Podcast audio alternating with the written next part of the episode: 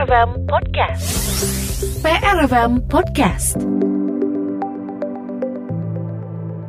Menyoal uh, setelah 74 tahun merdeka ke mana arah Indonesia. Ini tentu masih dalam nuansa peringatan 74 tahun Indonesia merdeka dua hari yang lalu, 17 Agustus. Salah satu uh, topik yang cukup hangat dibincangkan ini soal rencana amandemen terbatas Undang-Undang Dasar 45 yang uh, di antaranya kabarnya akan menghidupkan kembali GBHN garis besar haluan negara. Nah, seperti apa bahasanya malam hari ini sudah hadir di studio PRFM Profesor Asep Warlan Yusuf, pakar hukum tata negara dari Universitas Parahyangan Bandung. Selamat malam, Assalamualaikum Prof. Asep. Waalaikumsalam warahmatullahi wabarakatuh, Kang Wasit. Sehat Prof. Asep ya? Alhamdulillah, Kang Wasit. Kemudian juga uh, Wakil Ketua DPD PDI Perjuangan Jawa Barat, Pak Abdi Yohana. Selamat malam, Pak Abdi. Selamat malam, Assalamualaikum. Kang. Terima kasih Kang sudah hadir uh, di PRFM juga malam hari ya, ini. Terima kasih. Uh, sebelumnya saya juga ingin mengucapkan selamat. Uh, kapan dilantik Pak Abdi? Insya Allah kaping 2 September. 2 September. Kita punya anggota Dewan baru ini malam hari ini di studio PRFM. Baru tapi uh, lama. uh, saya harus mulai dari mana? Uh, kalau saya bahas isu baca hmm. isunya di media kan PDIP salah satu yang cukup santer mengusulkan ini. Hmm. Uh, tapi presiden yang diusung oleh PDI, uh, PDIP juga uh, yang paling ngotot untuk menolak tentang hmm. hal ini. Saya ingin klarifikasi soal yeah. itu, Pak Abdi. ya, saya kira begini ya. E, pertama tentunya kami ingin mengucapkan dulu selamat HUT ya Republik Indonesia yang ke-74. Hmm. Ya, semoga ya, ikatan kebangsaan kita ya, akan terus apa namanya tumbuh dan bertanam terus di, di dada semua warga negara Indonesia. Nah, kemudian ya terkait dengan apa namanya, saya kira ini diskursus yang sangat menarik ya. Hmm.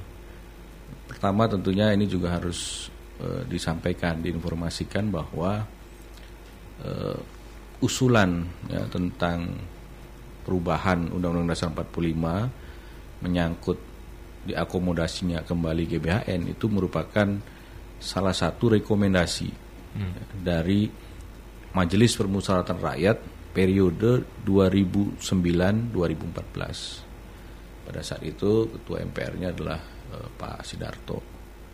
Lalu kemudian oleh MPR periode 2014-2019 ya, kemudian dilakukanlah kajian-kajian dan saya turut serta dalam kajian-kajian itu hmm. ya, beberapa kali diundang ya dalam acara-acara uh, apa namanya yang dilakukan oleh MPR dan tentunya ada selain tentang GBHN ya hal yang juga waktu itu dibahas adalah diakomodasinya kembali ya, tentang uh, utusan golongan ya, utusan golongan jadi di dalam uh, susunan keanggotaan MPR itu ya, selain apa namanya yang saat ini ada yaitu representasi politik melalui uh, DPR dan representasi daerah melalui DPD ada wacana untuk diusulkan kembali agar utusan golongan itu juga masuk kembali di dalam susunan keanggotaan MPR. Mm -hmm.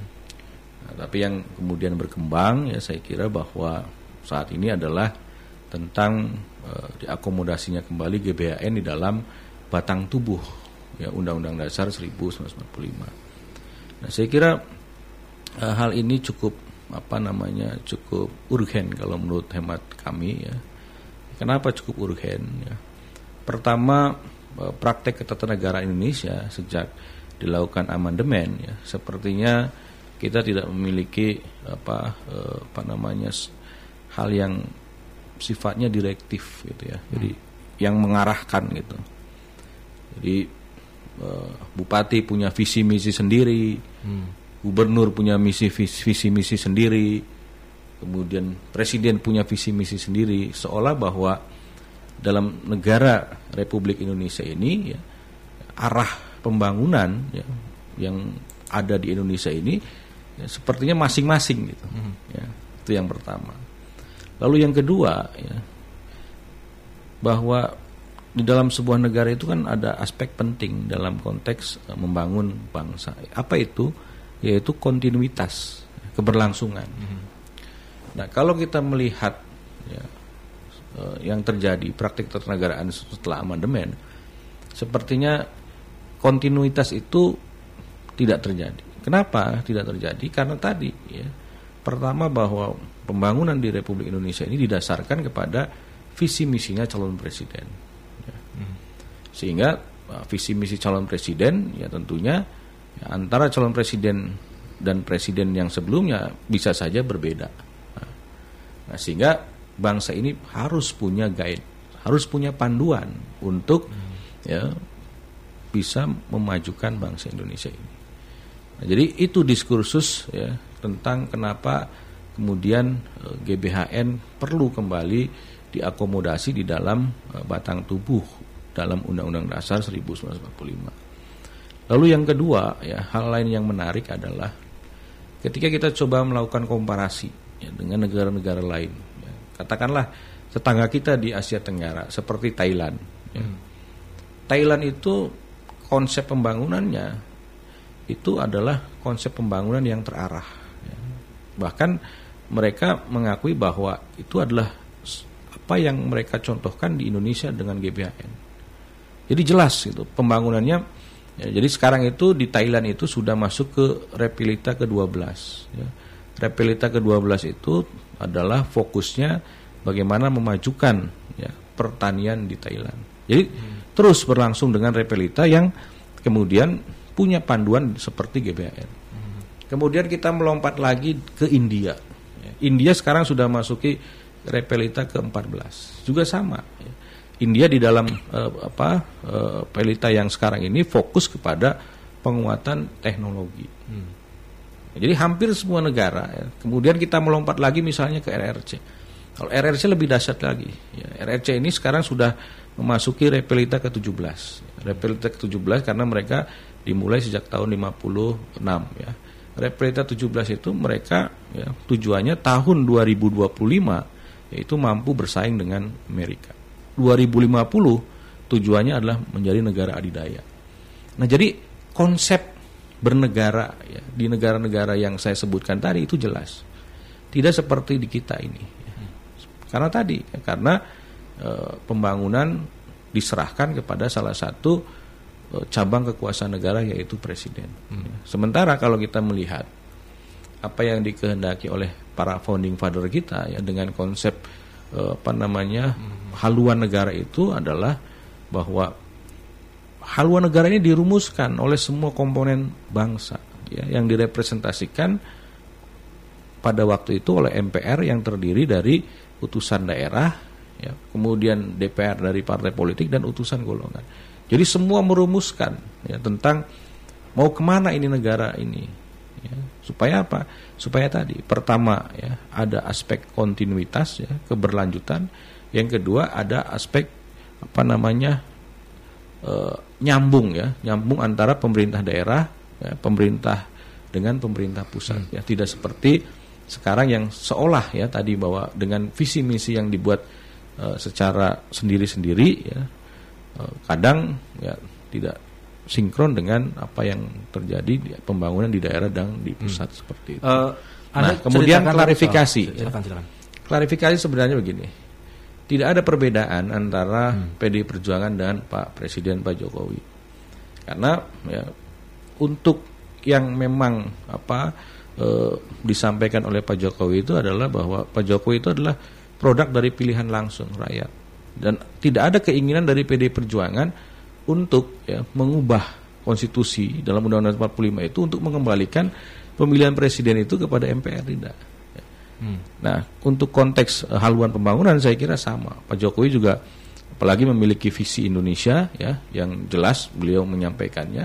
Nah, jadi sebenarnya tidak ada apa namanya uh, perbedaan ya secara mendasar antara Pak Jokowi dengan uh, eh, PD Perjuangan. Karena tadi PD Perjuangan juga menyampaikan bahwa amandemen itu terbatas kepada untuk mengakomodasi lagi ya GBHN ya di dalam batang tubuh dan tidak ada keinginan untuk kembali ya kemudian bahwa dalam memilih presiden itu oleh Majelis Pengurusan Rakyat. Jadi artinya dalam kesempatan malam ini juga meluruskan informasi yang kemarin e, sempat e, banyak beredar bahwa ada perbedaan antara PD Perjuangan dan Pak Jokowi. Yang sesungguhnya itu yang yang terjadi bahwa eh, sama ya antara PD Perjuangan dan Pak Jokowi bahwa dalam konteks untuk pemilihan presiden ya tetap dipilih langsung oleh rakyat seperti itu. Meskipun ketika di amandemen kesempatan untuk em, memposisikan MPR di apa lebih berkuasa kemudian presiden dipilih oleh MPR juga sangat mungkin Pak. Ya saya kira kan gini ya, ini kan juga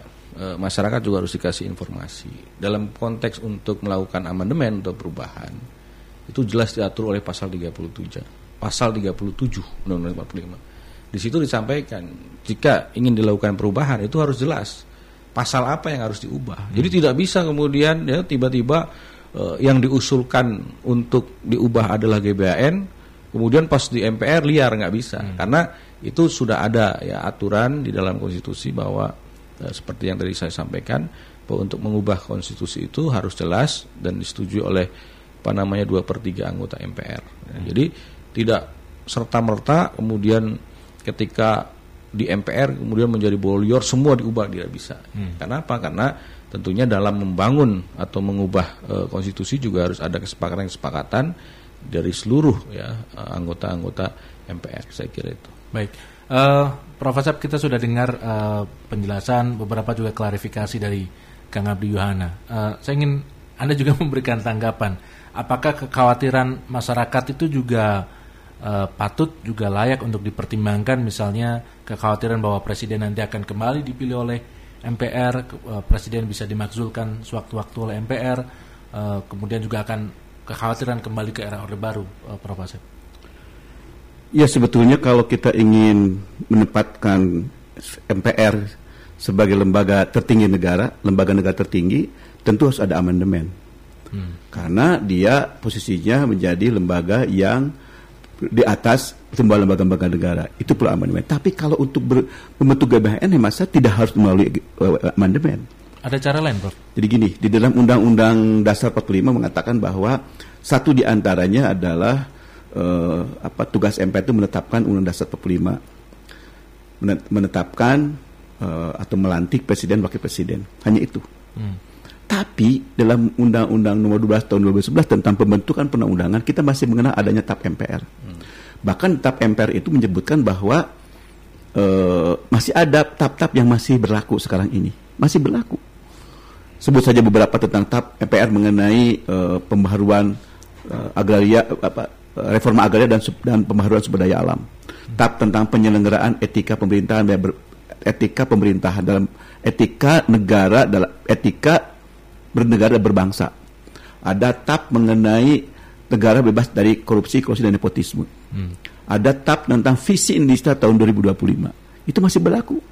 Jadi kalau misalnya kita mau update sebagai sebuah apa kebutuhan gitu seperti Pak Abi sampaikan tadi, ya ubah aja TAP-TAP yang itu. Jadi tidak tidak membuat tidak membuat atau tidak dilakukan melalui eh, amandemen lagi. Jadi bisa langsung membuat membuat eh, TAP MPR yang mengubah isi TAP-TAP yang sekarang masih berlaku. Nah, dalam Undang-Undang Dasar pun juga disebutkan begini Kang Masif. GBHN itu bisa diartikan sebagai nama diri, TAP tentang GBHN.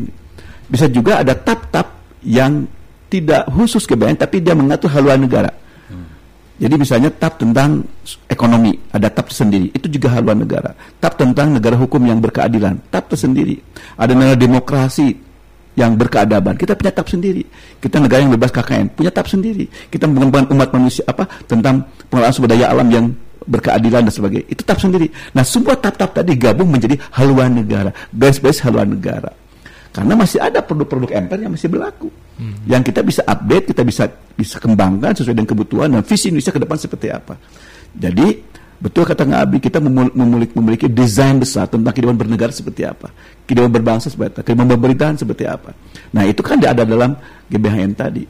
Jadi, hemat saya ketika kita akan menetapkan GBHN tidak harus melalui amandemen. Tidak harus melalui perubahan Undang-Undang 45. Juga bisa dengan memproduksi mem, apa, memperbaharui tap-tap yang sekarang ada dan belum dicabut oleh MPR. Jadi soal GBHN-nya eh, Prof sepakat, tapi soal caranya tidak Iya. harus selalu lewat amandemen. Betul. Nah, kan ada empat kemungkinannya sekarang yang diwacanakan. Tetap kita MPR sekarang sekarang ini tidak ada perubahan apa pun dan tidak membuat GBHN. Itu juga ada wacana yang seperti itu.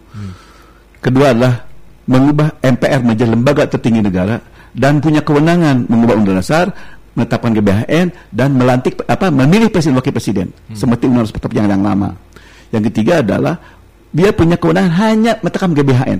Pilpresnya tetap langsung seperti yang Pak Bi katakan. Hanya itu saja. MPR punya kewenangan menetapkan GBHN. Yang keempat, MPR punya kewenangan GBHN tapi ditambah dengan usulan golongan yang tadi Pak Bi katakan. Hmm. Nah, jadi varian itu mana yang kita pilih? Saya cenderung yang empat.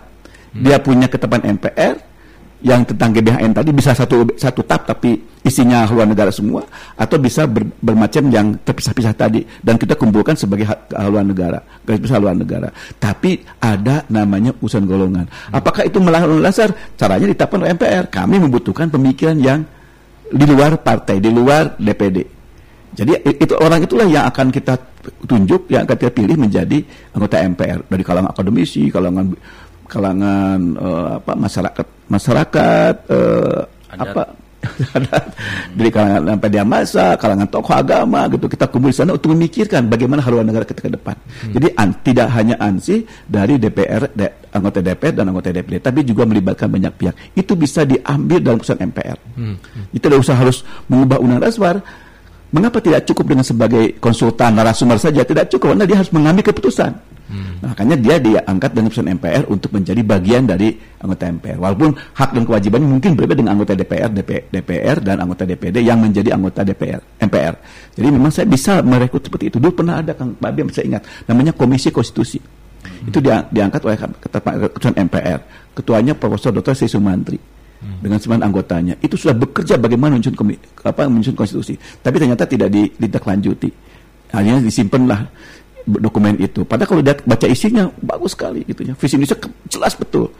Karena dikerjakan oleh ahli-ahlinya, oleh negara banyak oleh ahlinya, oleh orang yang punya pengalaman, orang yang punya integritas, orang yang lepas di kepentingan, pragmatis, jangka pendek, ad hoc dan reaktif, semua di, dikerjakan oleh orang yang punya pengaruh itu. Nah, Profesor Sumanti memang kecewa dengan MPR. Kenapa? Dok naskah ini tidak sempat dibicara, dibicarakan, dibahas di, di forum MPR.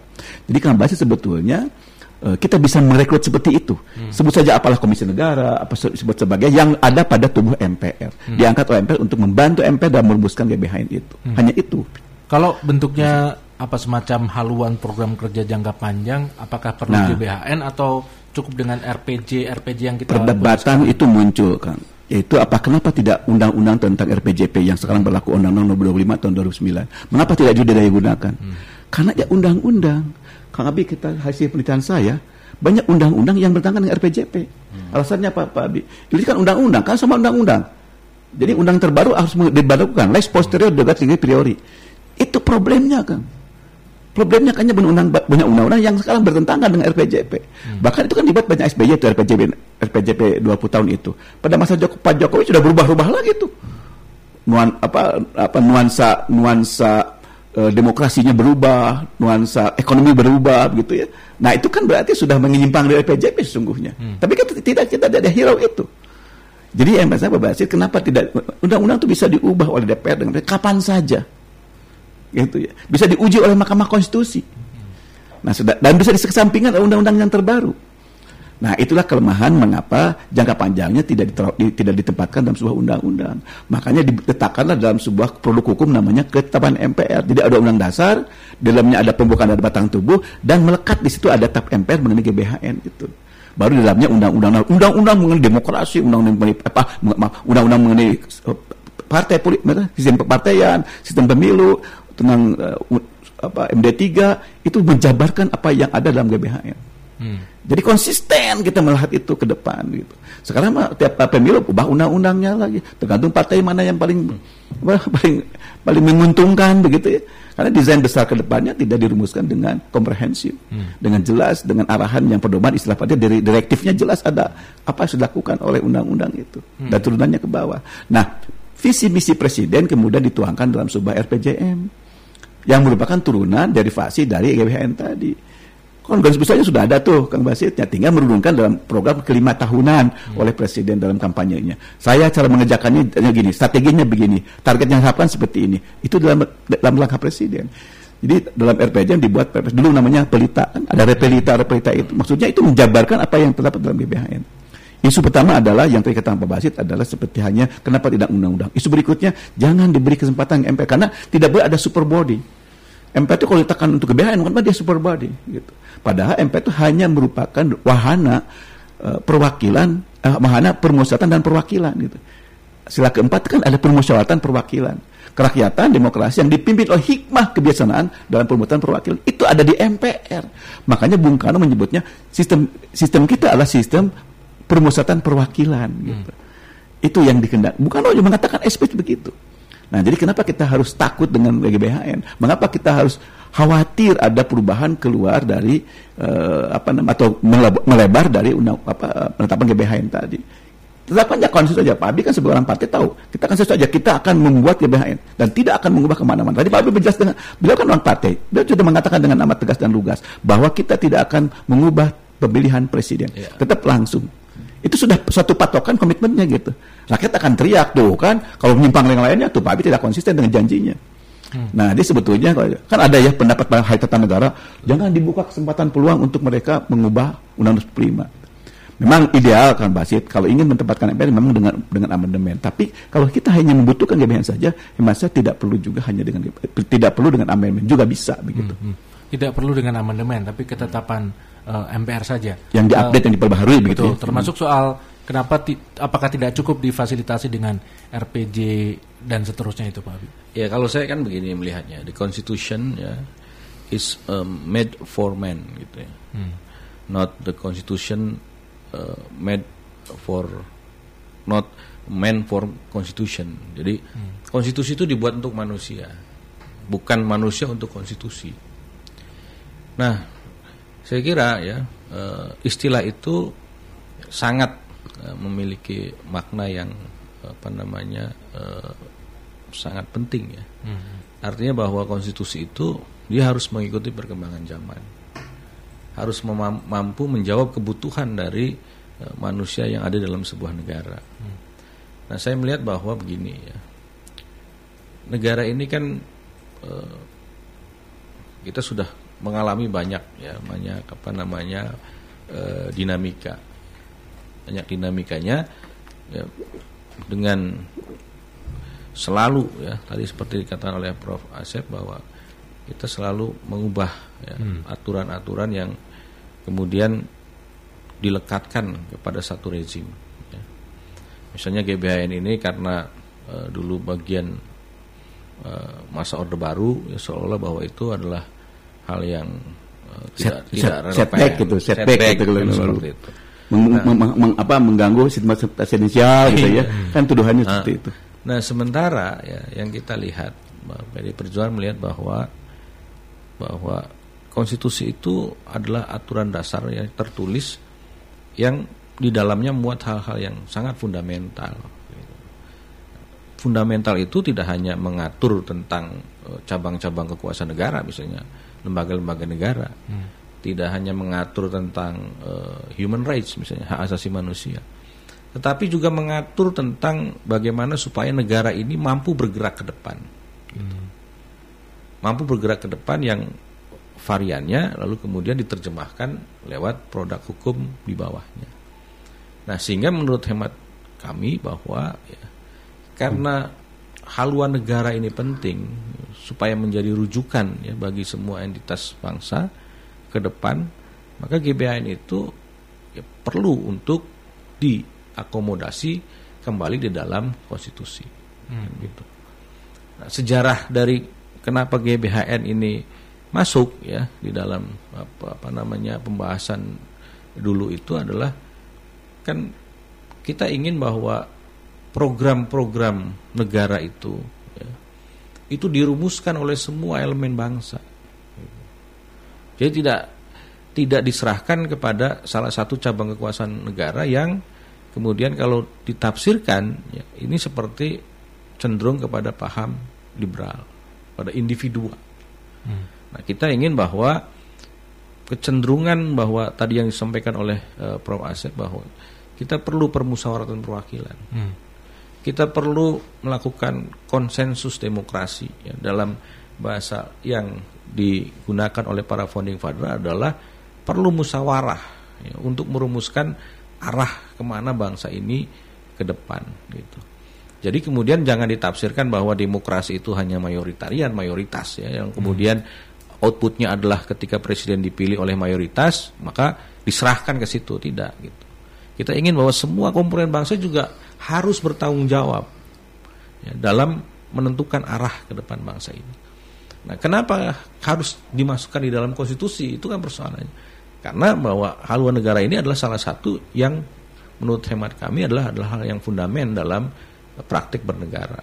Jadi hmm. kalau kemudian ya diakomodir misalnya di dalam produk hukum eh, tak MPR misalnya atau undang-undang ya, saya kira bahwa ini tidak memiliki sifat yang tadi saya sampaikan bahwa tidak memiliki daya imperatif ya, daya imperatif kepada cabang-cabang kekuasaan yang ada di dalam sebuah negara. Nah, jadi menurut hemat kami ya kita harus memahami benar gitu bahwa kita memiliki banyak potensi republik ini memiliki banyak potensi. Jadi kalau kemudian ya konsep pembangunannya terputus gara-gara agenda politik lima tahunan, hmm. ya sama halnya ya kita akan seperti joget atau tari poco-poco gitu ya ke belakang, ke samping tanpa maju terus ke depan. Nah yang kita inginkan bahwa konsep pembangunan di Indonesia ini karena kita memiliki haluan ya, kalau dalam konteks uh, Bung Karno disebut dengan pembangunan semesta berencana, pembangunan nasional semesta berencana, ini adalah haluan yang tidak boleh terputus oleh agenda politik. Hmm. Jadi siapa pun presidennya, ya, dia tetap menyampaikan visi misi, tetapi visi misinya kemudian juga tidak boleh lari dari haluan negara hmm. dan perlu juga secara bersama-sama. Makanya yang ditawarkan itu kan bukan GBHN seperti dulu, ya. yang hmm. ditawarkan itu adalah bagaimana juga visi misi presiden itu kemudian dimasukkan di dalam uh, eh, GBHN itu. Nah, jadi sebenarnya tidak ada perlu kekhawatiran karena toh sama-sama tujuannya adalah bagaimana negara ini ya semakin berumur ya harus semakin maju gitu. Jangan terus kita kembali kepada uh, mengulangi sejarah ya kita terus berdebat kepada hal-hal yang sebenarnya dalam konteks uh, konsep bernegara sudah selesai oleh para founding father kita itu. Baik, itu. Hmm. kita jeda dulu uh, Prof. Asap dan ya, Pak Abdi. Nanti kita akan kembali dalam diskusi malam hari ini tetap di PRFM Channel.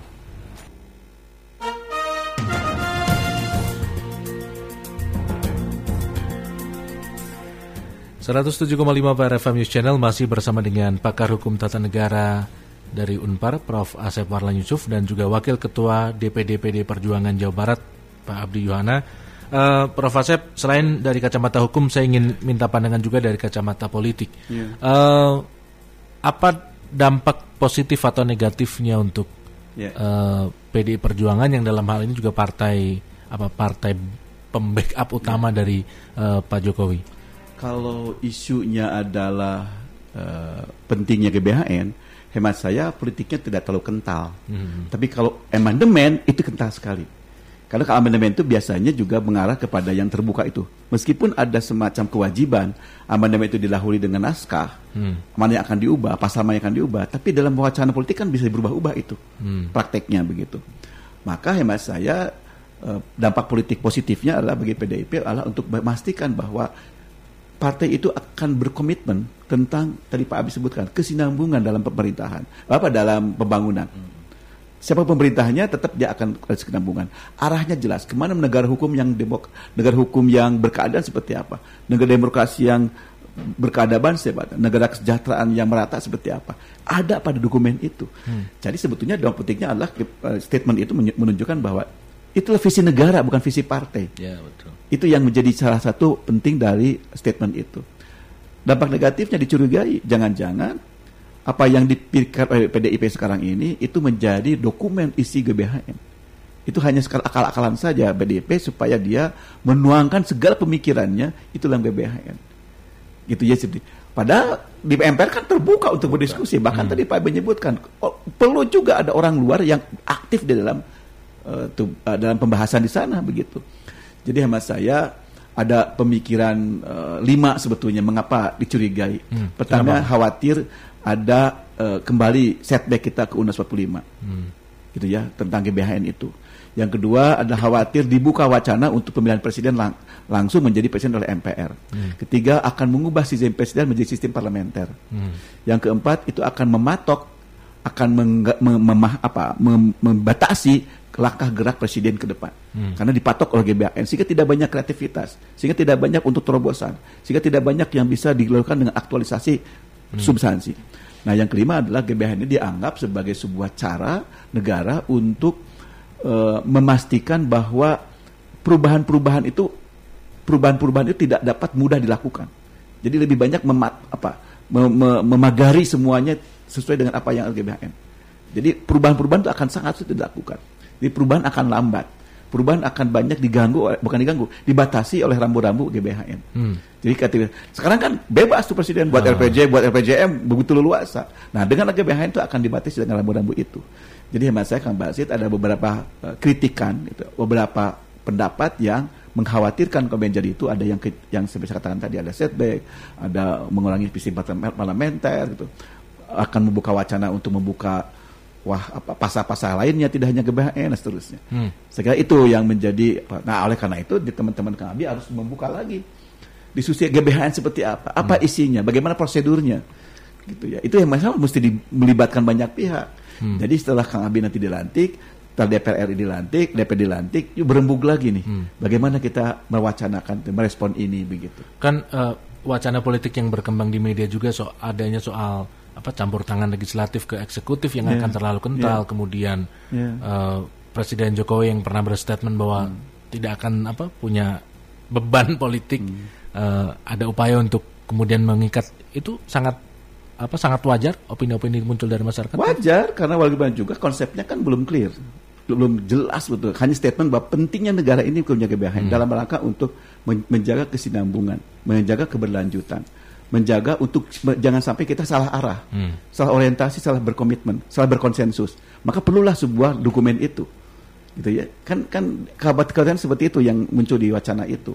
Nah oleh karena itu sekarang saatnya nanti kalau Tika sudah dilantik, buatlah tim, buatlah pokja atau buat apa namanya DMPR untuk mengkaji itu yang ada anggota DPD, anggota DPR begitu berebuk. Kemungkinan besar juga saya membuka kemungkinan untuk adanya negarawan-negarawan yang juga ikut terlibat dalam pembahasan itu. Hmm. Siapkan betul kalau memang akhirnya kita tidak bisa merumuskan yang baik, ya sudah kembali ke undang-undang tentang RPJP itu. Tapi kalau kita merumuskan yang baik ditawarkan dan diterima oleh publik karena itu aspiratif, akomodatif, partisipatif ya, sehingga didukung oleh banyak pihak, kenapa itu tidak dijadikan sebagai bahan untuk di GBHN tadi? Hmm. Meskipun jalannya tidak harus dengan amandemen 115 begitu. Hmm, baik. Sebelum ke Pak Abi, saya izin membacakan beberapa interaksi yeah. pendengar. Yang utama Kang Andre menyampaikan uh, suka saya yang begini. Semoga ada grand plan dan tujuan hidup yang lebih jelas, terukur dan diikuti secara patuh oleh pemerintah uh, periode selanjutnya bagi kejayaan Indonesia. Kemudian Kang Delvin menyampaikan, saya pikir tidak ada urgensinya, mungkin seharusnya pengamalan Undang-Undang Dasar itu yang sampai sekarang masih belum, cita-cita Undang-Undang Dasar uh, itu sudah sangat bagus. Kemudian Kang Rido menyampaikan kalau amandemen itu terjadi, paling umurnya hanya dua periode lalu berubah lagi karena faktor selera dan penilaian politis sesaat. Kemudian Kang Alan menyampaikan setuju agar tidak setiap ganti presiden selalu ganti arah dan tujuan bangsa. Kemudian Kang Deddy menyampaikan adalah uh, suatu kemunduran jika presiden harus bertanggung jawab pada MPR. MPR isinya politikus dan kepentingan parpol sedangkan presiden dan wakil presiden adalah pilihan rakyat di mana uh, tinggian pilihan rakyat daripada konsensus politik. Kemudian Kang Eko menyampaikan kalau saya yang penting nantinya semoga rakyat tidak dikutub-kutubkan atau dibelah lagi gara-gara pemilu. Kemudian Kang Fauzan permasalahannya bukan presiden tidak jelas bertanggung jawab kepada siapa, itu jelas bertanggung jawab kepada rakyat. Rakyat akan turun ke jalan kalau dirasa ada yang tidak beres. Jadi solusinya uh, ini harus dipikirkan matang-matang. Banyak sekali interaksi yang juga masuk, Pak Abi. Ya. Mungkin di antaranya bisa anda tanggapi silakan, Pak Abi. Ya, saya kira begini ya. Ini juga perlu direview lagi. Hmm. Ya. Jadi uh, rekomendasi untuk uh, amandemen UUD 45 terkait dengan GBN itu adalah rekomendasi MPR periode tadi hmm. ya 2009-2014. Anda ingin tegaskan bahwa ini tidak tiba-tiba? Tidak tiba-tiba Nah kemudian ya selama hampir lima tahun hmm. ya, MPR periode 2014-2019 itu melakukan ya, semacam uji publik, ya, mengundang profesor, mengundang dosen-dosen dan itu tidak hanya di Bandung saja, di Jakarta, di Jogja, ya, kemudian di hampir semua provinsi di Indonesia di kampus-kampus lalu kemudian di tokoh masyarakat kemudian melakukan semacam apa namanya eh, apa ya uji publik terkait dengan penting tidak GBHN. Makanya kemudian ya MPR kenapa kemudian juga ketua MPR-nya Pak Zulkifli Hasan mengatakan bahwa amandemen perlu untuk mengakomodasi GBHN itu karena faktor tadi ya karena selama lima tahun ini menghimpun ya menghimpun semua pendapat baik dari akademisi, dari tokoh masyarakat, dari tokoh adat dan lain sebagainya. Nah, jadi itu yang kemudian ya perlu di apa dicermati. Makanya saya juga eh, agak aneh juga kalau kemudian ya ada partai-partai ya di lembaga eh, di DPR kemudian menyatakan bahwa lo kok amandemen lagi padahal itu adalah hasil kesepakatan bersama dan pada saat turun ya ke daerah-daerah hmm. MPR itu tidak didominasi hanya satu partai. Jadi semua anggota MPR baik dari DPD ya, dan kemudian dari DPR ikut serta ya, seperti di Bandung ya sekitar tahun 2016 ya 17 atau 18 ada uh, 2016 hmm. ya itu yang memimpin dari unsur DPD RI nah makanya ini juga perlu diluruskan bahwa di MPR itu tidak hanya politisi saja gitu ya. Jadi hmm. kalau politisi itu kan uh, apa namanya dalam uh, apa tafsir umumnya adalah dari partai politik. Hmm. MPR itu ya, pasca amandemen ini terdiri dari anggota DPR dan anggota DPD. Anggota DPD itu ya tidak hanya politisi, misalnya di Jawa Barat anggota DPD-nya uh, Kang Oni, hmm. ya itu dari uh, budayawan, dari seniman. Lalu kemudian dari ur, apa unsur guru ya dari PGRI. Jadi ada semua. Nah, makanya MPR itulah ya karena tidak hanya dari unsur politik saja, hmm. Juga dari unsur DPD RI. Dan kalau kemudian ya menurut hemat saya juga sekarang ini menjadi penting agar dihidupkan lagi utusan golongan ya maka MPR itulah ya, yang hmm. membicarakan tentang ini arah kita ini mau ke mana gitu loh. Hmm. Ya, jadi jangan sampai lima tahun ini kita fokus pertanian Ya, lima tahun berikutnya fokus teknologi. Ganti presiden balik lagi ke pertanian. Hmm. Ganti presiden lagi balik lagi ke teknologi. Hmm. Nah, tapi kalau misalnya kita punya guide, punya arah yang jelas ya bahwa kita punya apa namanya uh, arah pembangunan selama 50 tahun. Nah, selama 50 tahun itu akan diisi apa? Misalnya ya, diisi untuk penguatan sumber daya manusia dulu. Ya. Karena untuk mengelola potensi sumber daya alam Indonesia yang luar biasa ini perlu sumber daya manusia. Nah, setelah itu misalnya perlu untuk dibangun infrastruktur untuk menarik investasi. Setelah itu baru di apa dibangun apa namanya ilmu pengetahuan dan teknologi. Jadi kita ini terus bergerak maju ke depan. Nah, itu bisa dilakukan ya kalau kita punya haluan. Dan haluan itu bisa kemudian disepakati kalau dia dimasukkan dalam salah satu agenda negara yang fundamental, hmm. yang penting gitu. Nah, agenda yang yang fundamental itu ya letaknya ada di konstitusi, di undang-undang dasar. Lalu kemudian ya bahwa kami sudah jelas, PD Perjuangan sudah jelas bahwa ini namanya amandemen terbatas. Ya. Hmm. Perubahan terbatas. Terbatasnya pada apa?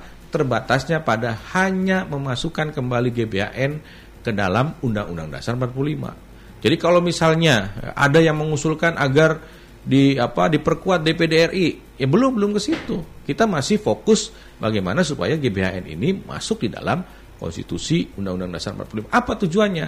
Ya tujuannya PD Perjuangan ingin bahwa kita ini bisa berdiri sama tinggi dan duduk sama rendah dengan negara-negara lain. Tidak ada yang lain. Bagaimana caranya? Ya Indonesia ini harus maju. Bagaimana supaya maju? Supaya maju ini kita punya ya arah, kita punya konsep dan dipraktekkan di dalam kehidupan berbangsa dan bernegara. Jangan sampai kita terus mengulangi kesalahan-kesalahan hmm. sejarah yang ada di Indonesia.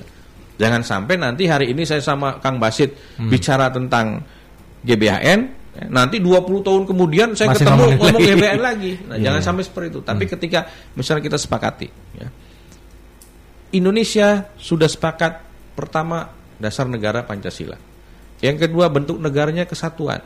Kan gitu. Kemudian yang ketiga semboyannya bineka tunggal ika. Dan sebagai perekat itu semua, ya, yang fundamentalnya adalah undang-undang dasar. Undang-undang dasar yang dirumuskan oleh para founding father kita.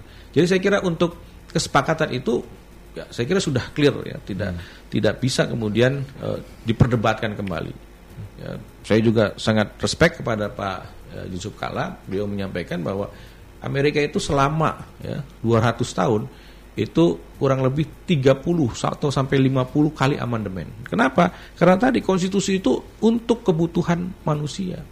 Jangan sampai bahwa oh konstitusi itu adalah sakral, konstitusi itu tidak bisa diubah, nggak bisa. Yang namanya konstitusi itu adalah dia harus mampu menjawab tantangan zaman. Nah, tantangan zaman Indonesia saat ini adalah bagaimana supaya Indonesia ini maju ke depan, lalu kemudian warga negaranya kesejahteraan umumnya baik, pendidikannya baik dan sebagainya. Hmm. Dan itu semua butuh butuh apa?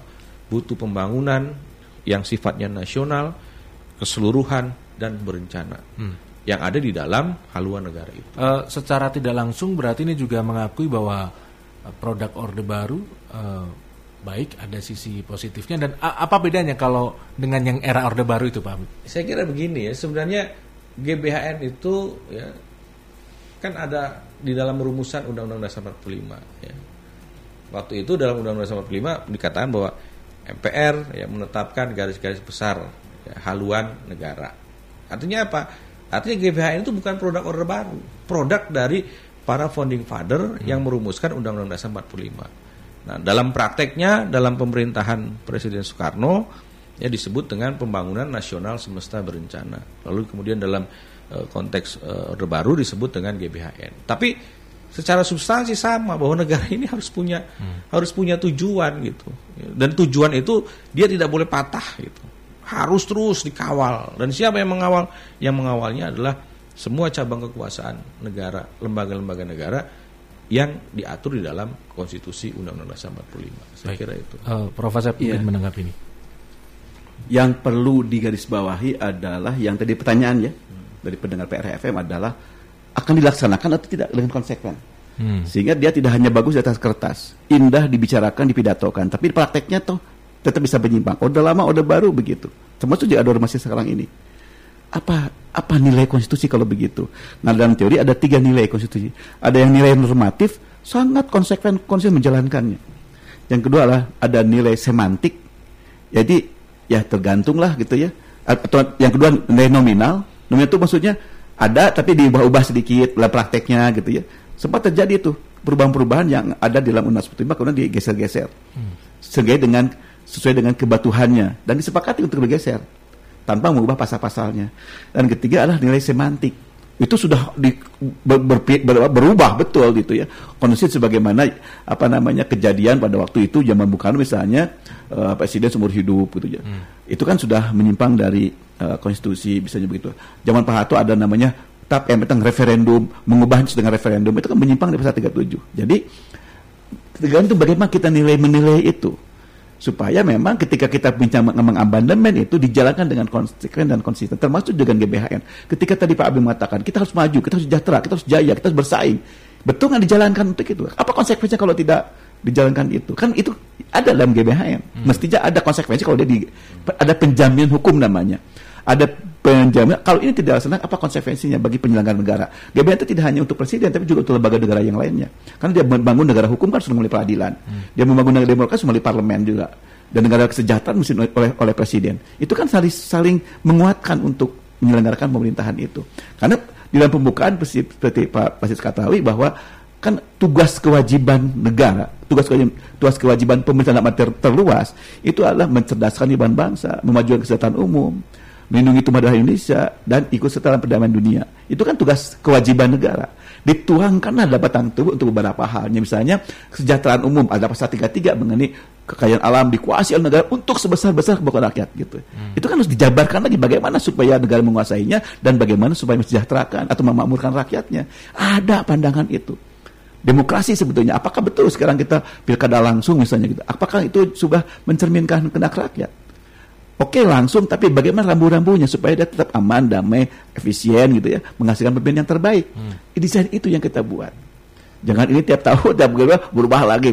Rakyat sudah siap ke sini berubah tiap berubah lagi gitu. Hmm. Sehingga desain demokrasi juga kita menjadi menjadi menjadi tidak eh, tidak tidak ajak begitu ya. Nah itulah perlunya ada haluan negara dalam level tap MPR. Tapi gini Kang Abi, ini ini semacam apa ya kajian saya lah dalam. Hmm.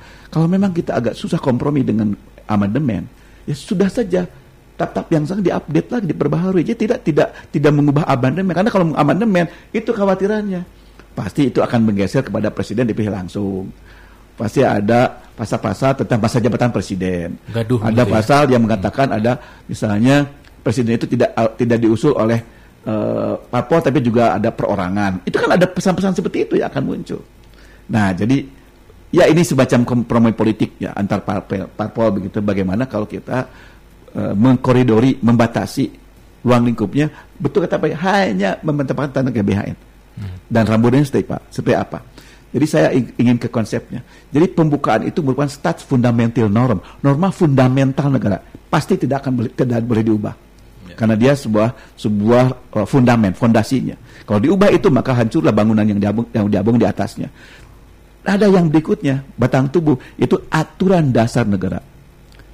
Nah, aturan dasar negara ini isinya belum belum belum operasional, belum rinci aturan dasar negara itu kemudian ditutup, bukan ditambahkan, dilengkapi dengan GBHN atau haluan negara yang lain lah bisa jadi GBHN, bisa juga haluan negara lain yang kita sebut sebagai GBHN. Hmm. Jadi itu yang menambahkan aturan dasar negara. Baru berikutnya adalah peraturan perundang-undangan. Hmm. Ada undang-undang, ada PP. Jadi kita konsisten dalam menjalankan pasal pembukaan undang dasar, pasal-pasal mengenai negara hukum, negara demokrasi, dan negara kesejahteraan. Jadi hebat saya ada urgensi untuk itu. Jadi kan ada ada apa sih urgensinya gitu ya? Apa sih dapat positif bagi rakyat gitu? Ya itu kita punya panduan yang lebih visioner ke depan kata Pak Adi tadi bahkan kalau 50 tahun misalnya gitu kalau kita hmm. mampu merumuskannya. Tapi at least lah yang moderat itu 20 tahun lah misalnya empat kali periode pemilihan presiden. Jadi mungkin kita bisa buat kalender ketatanegaraan dengan kealahan yang lebih jelas. Hmm. Jadi untuk kata Kang Abi, itu bukan hanya isu dari PDP ketika Kores di, di Bali, tapi sebelum itu jauh lebih apa namanya lebih mendalam gitu lebih komprehensif lebih konsisten gitu membahas mengenai tap MPR dan uh, uh, kedudukan MPR dan tap tentang GBHN jadi oh. baca bukan ujuk-ujuk hadir hari hari ini belakangan hari ini gitu Prof jika memang uh, eh, GBHN ini kembali yeah. apa dihidupkan gitu yeah. konsekuensinya apa apakah harus mengubah undang-undang apa ya di bawah turunannya karena saya baca juga konsekuensinya akan akan mengubah banyak aturan yang lain gitu, Prof. Betul. Ketika, Dan apakah itu betul. apa ya efisien gitu untuk Betul. Untuk Ketika memang bertentangan dengan kesepakatan nasional, kesepakatan bangsa, mungkin perlu ada perubahan-perubahan pada undang-undang yang tidak sejalan dengan itu, yang tidak harmonis dengan itu. Tapi kalau sudah mengharmonis sudah bagus, kita makanya Kang Basir, komisi ini bekerja untuk itu bekerja untuk meyakinkan bahwa apa yang akan terjadi kalau GBHN dibuat, hmm. termasuk ada harmonisasinya, apa dampaknya, apa implikasinya, apa untuk ruginya itu ada kajian itu. Hmm. Nah, MPR sudah terjun kata Kang Abid, sudah terjun ke mana-mana, menghimpun, mendata gitu, ya, hmm. mengolah begitu ya, merumuskan lagi hasil-hasil dari diskusi publik atau uji publik. Hmm. Ini sebetulnya dokumen itu sudah ada di MPR itu Kang Basit. Hmm. Jadi kita tinggal membongkar lagi, mengubah lagi, Kang Basit. Saya aja ada tiga uh, tesis mengenai masalah GBHN, Pak. Tiga tesis. Hmm belum lagi skripsi, belum lagi ada sertasi di berbagai perguruan tinggi. Jadi sebetulnya kita belanja ide saja. Apa yang harus ada dalam BBHN? Mengapa BBHN perlu ada? Apa nah itu sudah ada dalam berbagai pengetahuan. Apa belum ada jurnal-jurnal hmm. dari penulis-penulis Indonesia. Belum lagi dalam diskusi di, di, di lembaga sosial masyarakat, belum di media massa. Banyak isu-isu yang harus kita uh, pelajari di situ, kaji di situ. Makanya saya bilang ke pengabdi tadi, kami mungkin nggak nanti setelah DPR dan DPR dilantik, kemudian membentuk tim membentuk spokja, membentuk apa namanya lah gitu, untuk menyiapkan naskah ini gitu. Sambil kita juga menampung, tetap menampung dan mengupdate lagi bahan-bahan yang sudah dikumpulkan oleh MPR yang lalu. Gitu. Hmm, baik, uh, waktunya mepet tapi ingin ya. minta closing statement masing-masing dari Pak Bli dan Prof. Asep. Silakan. Silakan Pak Bli. Ya, saya kira begini ya, bahwa sekali lagi ya, praktek ketatanegaraan Indonesia saat ini ya, sangat liberal ya, hmm. dengan selama lima tahun diadakan pemilihan sekitar 55 ribu ya, dari pemilihan kepala desa, pemilihan kepala daerah, ya bupati, wali kota, pemilihan gubernur, bahkan pemilihan DPR, pemilihan presiden. Ya. Nah, nampaknya eh, semua ya, seolah memiliki satu apa namanya uh, pilihan ya, di dalam merumuskan tentang apa sih tafsir mereka tentang bernegara ini. Hmm. Nah sehingga kemudian ya, bagi kami bahwa sistem yang begitu liberal ini tidak menguntungkan Indonesia. Kenapa demikian? Ya, dengan konsep yang sangat liberal, yang sangat individualis, ya, tentunya maka yang diuntungkan ya bagi konsep uh, bernegara ini dengan semboyan the survival of the fittest. Siapa yang kuat maka dia yang menang. Nah, praktek seperti ini menurut hemat saya harus dihindari. Bagaimana cara menghindarinya? Maka kita perlu merumuskan, ya, merumuskan apa? Merumuskan bagaimana kita bernegara. Dalam hal dalam apa? Ya dalam konsep yang disebut dengan pembangunan nasional semesta berencana atau dalam GBHN atau disebut dalam haluan negara. Untuk apa? Kan gitu persoalannya. Ya untuk mengarahkan agar pembangunan di Indonesia ini ya bisa terus melangkah ke depan. Ya, hmm. Jangan sampai nanti misalnya presiden masa jabatannya lima tahun, ya lima tahun maka dia hanya bekerja misalnya dua atau tiga tahun. Dua tahun berikutnya ya, dia fokus untuk mengkampanyekan dirinya. Hmm. Sama juga dengan kepala daerah. Ya, kepala daerah lima tahun. Setelah itu ya dua tahun dia bekerja dalam dua tahun juga konflik kadang dengan wakil kepala daerahnya ya. hmm. ya tidak fokus ya arah dalam bagaimana membangun daerah bagaimana membangun negara bahkan ya tidak ada semacam sinkronisasi antara pemerintah daerah dan pemerintah pusat karena masing-masing memiliki visi dan misi sendiri hmm. nah oleh karena itu tentunya bahwa ini bisa kita ubah mengubah bagaimana bagaimana agar pembangunan di daerah dan secara nasional itu bisa berkesinambungan, bisa sama ya, memiliki kepentingan yang sama. Caranya apa? Caranya ya bangsa ini harus memiliki haluan negara. Supaya apa? Supaya terkonsep ya dalam pembangunan misalnya selama lima tahun. Indonesia ini selama lima tahun fokusnya untuk apa? Hmm. Fokusnya untuk pertanian, lima tahun berikutnya fokusnya untuk sumber daya manusia dan seterusnya. Nah, maka oleh karena itu ya PD Perjuangan ya ingin bahwa arah pembangunan yang seperti ini ya kemudian diatur di dalam kembali ke Undang-Undang Dasar 45. Dan jangan khawatir gitu ya. Kenapa jangan khawatir? Karena pertama ini berhasil ya berdasarkan rumusan dari hmm. para pakar juga, para pakar tata negara juga, para pakar hukum juga, para pakar politik juga. Ya, jangan jangan kemudian eh, apa namanya ada pikiran bahwa kami ingin kembali ya misalnya presiden dipilih oleh MPR tidak ya hmm. jadi kami jelas bahwa ini amandemennya terbatas dan terbatasnya hanya pada mengakomodasi kembali GPN dan itu sangat jelas dalam UUD 45 bahwa usulan untuk mengubah itu harus jelas pasal mana yang hmm. harus diubah jadi tidak perlu ada kekhawatiran akan menjadi bola liar ketika ada usulan amandemen Undang-Undang 45 tentang GBN karena ini semata-mata agar Indonesia ya terus maju ke depan. Baik, terima kasih. Ya, saya uh, singkat aja Pak. Profesor silakan. Pertama adalah kita harus kembali kepada sila keempat, hmm. kerakyatan yang dipimpin oleh hikmah dalam permusatan perwakilan. Hmm. Maka MPR lah tempat kita bermusyawarah, tempat kita berdialog, tempat kita berkonsensus tentang haluan negara, tentang bahwa dibawa ke negara ini ke mana. Saya kira itu pasalnya, ala silanya sudah jelas, hmm. sila keempat. Yang kedua adalah isinya apa? Utamanya isinya apa? Isinya hemat saya, founding fathers pun sudah merumuskan isinya. Hmm. Pertama adalah isinya itu harus membangun demokrasi yang berkeadaban. Demokrasi yang yang bisa memberikan peluang bagi semua rakyat untuk berpartisipasi. Kontrol maupun dia dan berkuasa. Jadi bangunlah dengan demokratis. Yang yang ciri yang kedua adalah dia harus menjamin hak-hak warga negara yang mendasar. Yang ketiga adalah pastikan bahwa hukum yang dibuat itu pasti mensejahterakan rakyatnya. Hmm. Itu sudah dipandu oleh oleh founding fathers kita. Nah, tinggal kita bagaimana menjabarkan itu agar hal tadi oleh para pendiri negara kita, founding fathers kita, founding parents kita itu terwujudkan dalam bentuk produk hukum itu. Kira-kira itu Baik, terima kasih uh, Prof. Asep Warlan Yusuf Sama-sama, dan uh, Pak Abdi Yuwana untuk waktunya di PRFM malam hari ini. Pendengar PRFM juga terima kasih untuk Anda yang sudah berpartisipasi hingga malam hari ini. Mohon maaf ada banyak sekali interaksi yang tidak sempat untuk dibacakan. Lain waktu kita diskusi kembali uh, talk show ruang publik kita akhiri. Selamat malam, Assalamualaikum warahmatullahi wabarakatuh.